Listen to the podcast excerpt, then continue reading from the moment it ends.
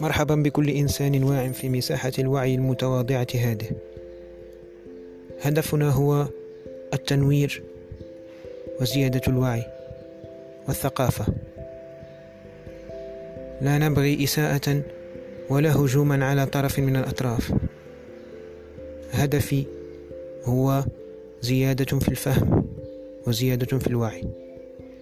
إن كنت مثلي فادعمني ولنكن شعلة في زمن الظلام. والسلام عليكم.